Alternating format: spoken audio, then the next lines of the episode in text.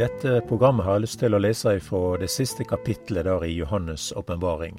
Her er det noe identitetsmerke. Det er noen som har det i si panne. Og jeg leser fra vers 1 i Åpenbaringen 22. Og han synte meg ei elv med livsens vatn, klår som krystall, som strømde ut for tronen åt Gud og lammet, midt i bygata. På begge sider av elva sto livsens tre, som ber frukt tolv ganger og gjev si frukt hver måned, og blada på treet tjener til helse for folkeslaga. Det skal ikke lenger være noe forbanning. Troen åt Gud og lammet skal være i byen, og tjenerne hans skal tjene han. De skal sjå åsynet hans, og navnet hans skal være på panna deira. Og dette med å være et Guds barn, det er jo noe av det største som kan oppleves. Det er unormalt å leve uten Gud. Herren han har lagt til rette ei framtid, en ny himmel og ei ny jord. Det er ingen restaurering av det gamle, Gud gir noe nytt, også når det gjelder kosmos. Så les vi da om livsens tre og trun åt Gud og lammet. Truna var noe som sto midt i byen, og vi leser om tjenerne som tjente han. Og de har navnet hans da skrevet på deira panne, Guds navne. Vi har sett det mange ganger, og og når det gjelder den evige tilværelse, når den blir omtalt, så er det noe som kommer att på nytt når det gjelder det nye Jerusalem. Det gjelder eksempel dette med portene og navnet på Israelsettene. Det var noe som eh, var skrevet der, da. Navn, det, det, det, er noe som vi, vi kommer igjen. Hele bibelfortellingene. Det, vi møter det på nytt. Sant? Og når, når, og når navnet var skrevet på portene her, når det nye Jerusalem, så er det noe som minner om utgangen fra Egypten, når de strauk eh, blodet på dørstolpene. Seinere så skulle de jo også skrive Guds ord på dørstolpene. Og dette er noen sånne paralleller her som går igjen slik. Vi kan jo òg nevne dette her med eh, navnet til Herren. Det er skrevet på tjenerne her, som er omtalt. Og dette der er jo noe som går att i de enkelte religioner i dag. De har et merke på panna, og det er uttrykk for en tilhørighet eller en gudsdyrkelse som de har. I Johannes' åpenbaring, eh, kapittel 14 for eksempel, så leser vi òg om disse 144 000. De står da på Sion. De er av Israel. Og de har jo et navn skrevet på sine panner. Det er òg eh, i kapittel sju her. Det skad ikke jorda eller havet eller trea før vi har sett et segl i panna på vår Guds tjenere. Og jeg hørte tallet på de som hadde fått segl. Det var 144 000 av alle ættene hjå Israelsborna. Og det står òg i kapittel 14 her, da, i vers 1. Og jeg så og sjå lammet stå på Sionsberg. Sammen med dei var det de 144 000, som hadde navnet til lammet og navnet til far åt lammet skrevet på panna. Så her er det noe som da bærer Guds navn på sine panner. Og det er jo veldig mye til sanning her, da, og til ettertanke med det at navnet til Gud står på panna, også navnet til lammet. Dette her har jo da med et segl å gjøre. Det er uttrykk for tilhørighet. Og dette på panna, altså det er jo et område på kroppen vår som vi beskytter. Vi bruker hjelm. Det er et område på kroppen som har med tankene våre å gjøre. Det er sjølve sikringsboksen for hele lekamen. Er det saker og ting som ikke er på plass her, så er det ikke enkelt. Og her er det veldig små marginer. Skal kroppen vår fungere, livet og hverdagen, så må alt i hodet være klart. Her sitter synet, her er det hørselen, her er det valgene, og her er det beslutningene blir teke. Vi kjenner til skildringa med David og Goliat. Goliat hadde alt utstyr for å være ei slåsskjempe. Og det er jo omtalt på denne måten her i første Samuels bok, kapittel 17, da. Det står der i vers fem. På hovedet hadde han ein kåperhjelm, kåparhjelm, og han var kledd i ei sjels, sjelbrynje. Brynja våg 5000 sekel kåper. Han hadde kåperskjener eh, på leggene og et kastespyd av kåper på ryggen.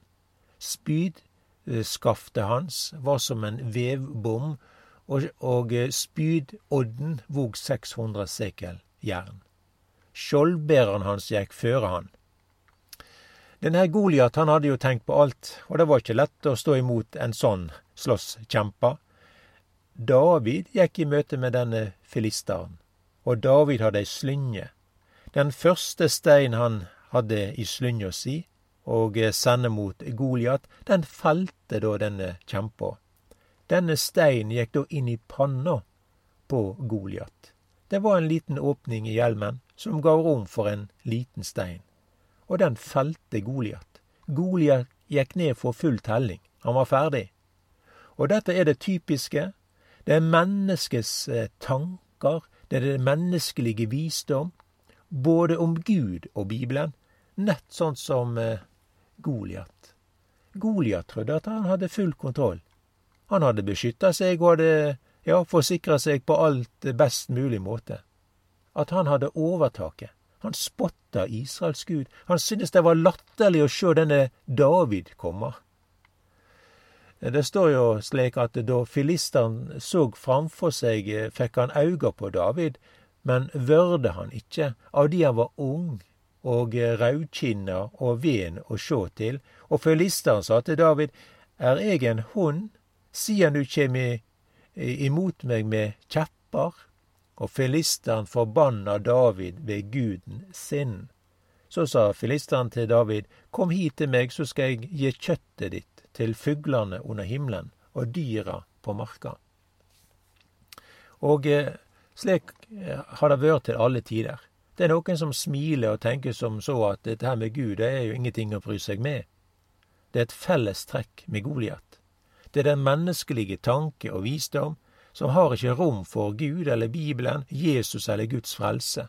Det er en liten stein her som går inn i panna på Goliat, denne steinen er et bilde på Jesus. Goliat hadde tenkt på alt, men det var en liten sak han hadde glemt, en helt avgjørende sak, og det fikk betydning både for hans tid og for evigheten. Han hadde ikke tenkt på Israels Gud. En liten stein felte Goliat. Det samme ser vi også med billedstøtta til kong Nebukaneser i Babel.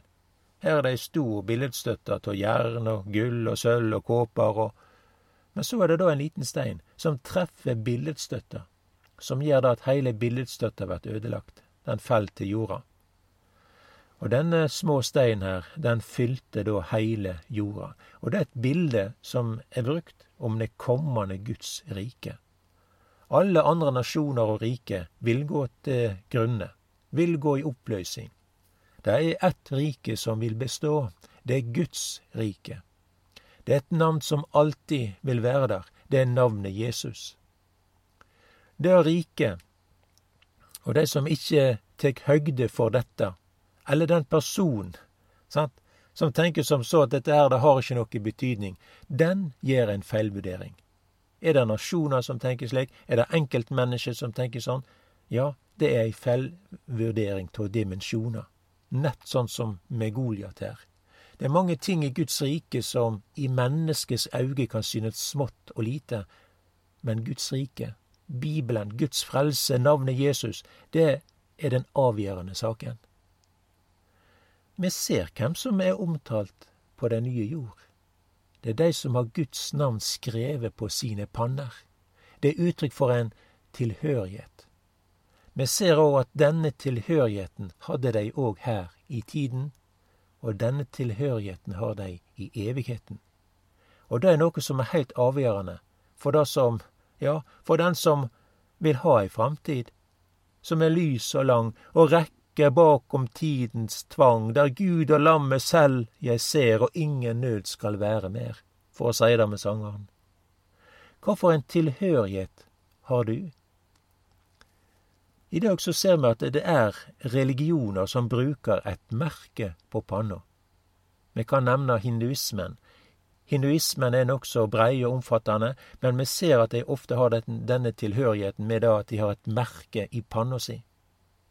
Vi kan si det samme om Antikrist. Han bruker det samme. Antikrist, det er han som etterligner Kristus. Det er den falske Messias. Han har et tall for tilhørigheten, og tallet for det, det er 666. Det er omtalt her i Åpenbaringen 13 og vers 16 for eksempel. Der står om han det forfører de som bor på jorda, på grunn av det teikna som eh, vart gjeve det og, for auga for dyret. Og de sier til de som bor på jorda, at de skal gjøre et bilde av det dyret som fikk, eh, fikk sverdhogget og vart levende igjen. Og det fikk makt til å gi livsånd og et bilde av dyret, så bildet av dyret jammen kunne tale, og gjøre det slik at alle de som ikke vil tilbe bildet av dyret, skulle drepast. For det syter for at alle små og store og rike og fattige, frie og treler, får et merke i høyre handa si eller i panna. Og her ligger visdommen. Den som har vet, lat han rekna ut tallet for dyret, for det er tallet for et menneske, og tallet for det er 666. Så her ser vi noe av det antikristelige, og det er makt, og det er maktsyka. Den som har smakt hva makt er for noe, han vil ha meira makt. Og det ser vi her. Han bruker makta si, enten til liv eller død. Ingen kan selge eller kjøpe uten dette merket. Her er det tvungen medlemskap. Og merket har du enten i panna eller i høyre handa. Og her omtaler da Bibelen det pengeløse samfunnet. Det er elektronikken som sitter i panna eller i handa. Men det som er poenget her, det er jo dette med tilhørighet. Og vi skal legge merke til at Bibelen omtaler dette med å verne om tanke og hovudet. Det er en hjelm i Bibelen som blir omtalt som frelsens hjelm. Og Den står jo da her i Efeserbrevet 6 da, og i vers 17. Ta frelseshjelmen og Andens sverd som er Guds ord. Og la meg òg ta med det som står her i, i første Tessalonikerbrev, kapittel fem, også vers eh, åtte der. Men vi som hører dagen til, lat oss være edrue.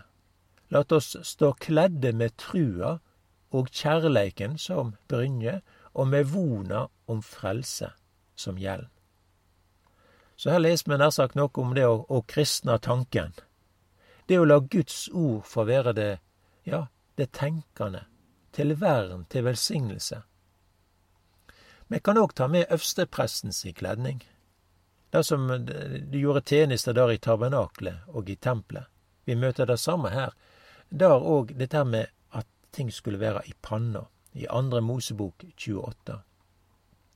Det står omtalt på denne måten. Så skal du lage ei plate av reint gull og grave inn eh, på henne, slik som en grev inn på et segl, helga til Herren. Så det står en inskripsjon på panna til presten. Han var innvigd. Han var en tjener. Han tjente Israels Gud. Han tilhørte. Det står skrevet på panna hans. Og dette var ikke bare noe som presten skulle gjøre, men det skulle folket òg gjøre. Og vi kan lese det ifra femte Mosebok 11, og det står der i vers 18. Så legg dykk da disse orda mine på hjarta og hug, og bind dei på handa di som et tegn, og lat dei være ein minnesetel på panna di. Så her var det noe de skulle skrive, og det var Guds ord. Det var noe de skulle minnast. Og eh, det har noe med at dette skulle få ha stor plass i livene deres. Det skulle være en del av deres hverdag og vandring. Og på samme måte er det med oss òg i dag. Det er helt likt. Det at dette her kan være som en minnesetel på panna, dette med at ja, vi skal ta vare på Guds ord, det skal ha plass i tanken, det skal ha plass i sinnet vårt. Og det skal ha en slik plass, en slik eh, dimensjon i våre liv at det er en del av vår hverdag og vandring. Det er mange i dag som vil ta bort det kristne håpet. Og Vi leste også her med å ja, det å, å være kledde med trua og med kjærleiken som brynje, og med von om frelse som hjelm. Og dette med trua, som er omtalt, det er trua på Bibelen, det er trua på Jesus. At vi er edruelige i vår tanke, i vårt sinn, i vårt hjerte og håpet om frelse som hjelm. Og la det være helt klart i tanken. på at Jesus kommer snart igjen.